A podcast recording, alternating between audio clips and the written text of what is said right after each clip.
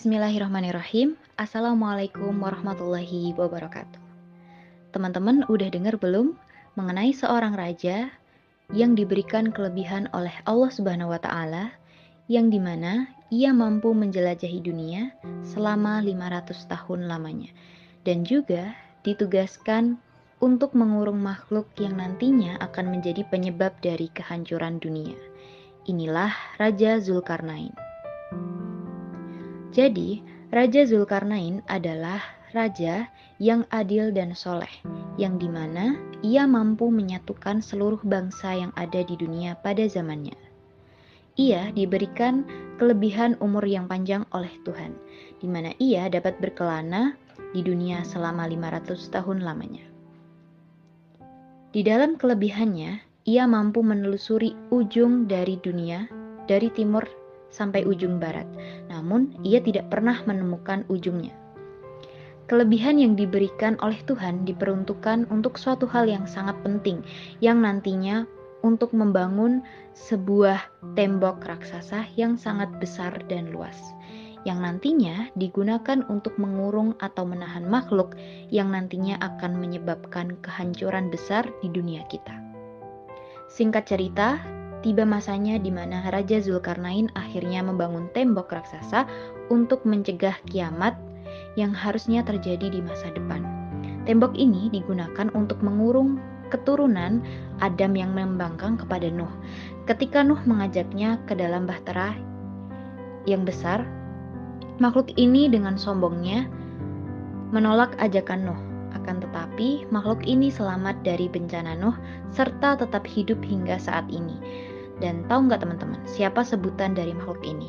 Ya, makhluk ini bernama Ya'juj dan Ma'juj. Kaum yang keturunannya dikurung di balik tembok raksasa saat masa pemerintahan Raja Zulkarnain karena menyebabkan kekacauan yang sangat menyeramkan di era tersebut, yang di mana hampir memusnahkan seluruh bangsa manusia di era itu. Dan tahu nggak teman-teman, di era tersebut Ya'juj dan Ma'juj masihlah berjumlah sedikit, akan tetapi mampu memusnahkan hampir seluruh manusia. Dan ya, ada satu asumsi yang mau saya kasih tahu mengenai soal Ya'juj dan Ma'juj ini.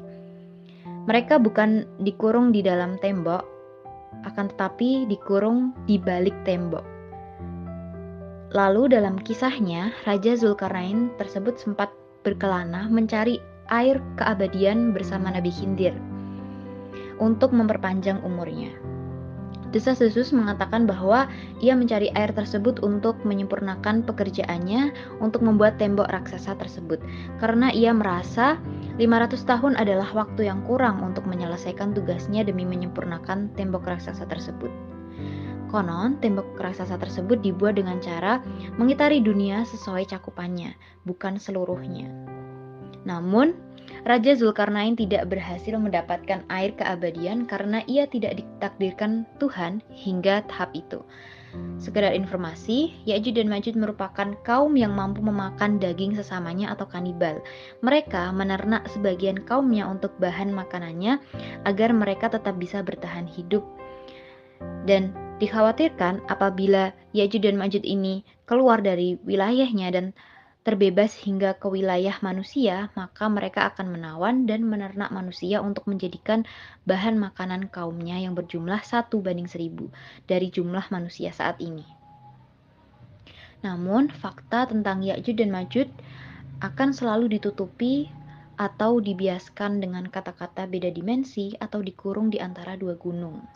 Hal ini dilakukan karena jika semua manusia nantinya percaya dan meyakini akan fakta dari Ya'juj dan Ma'juj beserta jumlahnya nanti, maka bisa dipastikan bahwa manusia akan ketakutan hingga menjelang ajalnya dan merupakan dan melupakan akan eksistensi Tuhan itu sendiri. Jadi, menurut teman-teman, siapa yang sebaiknya dikurung?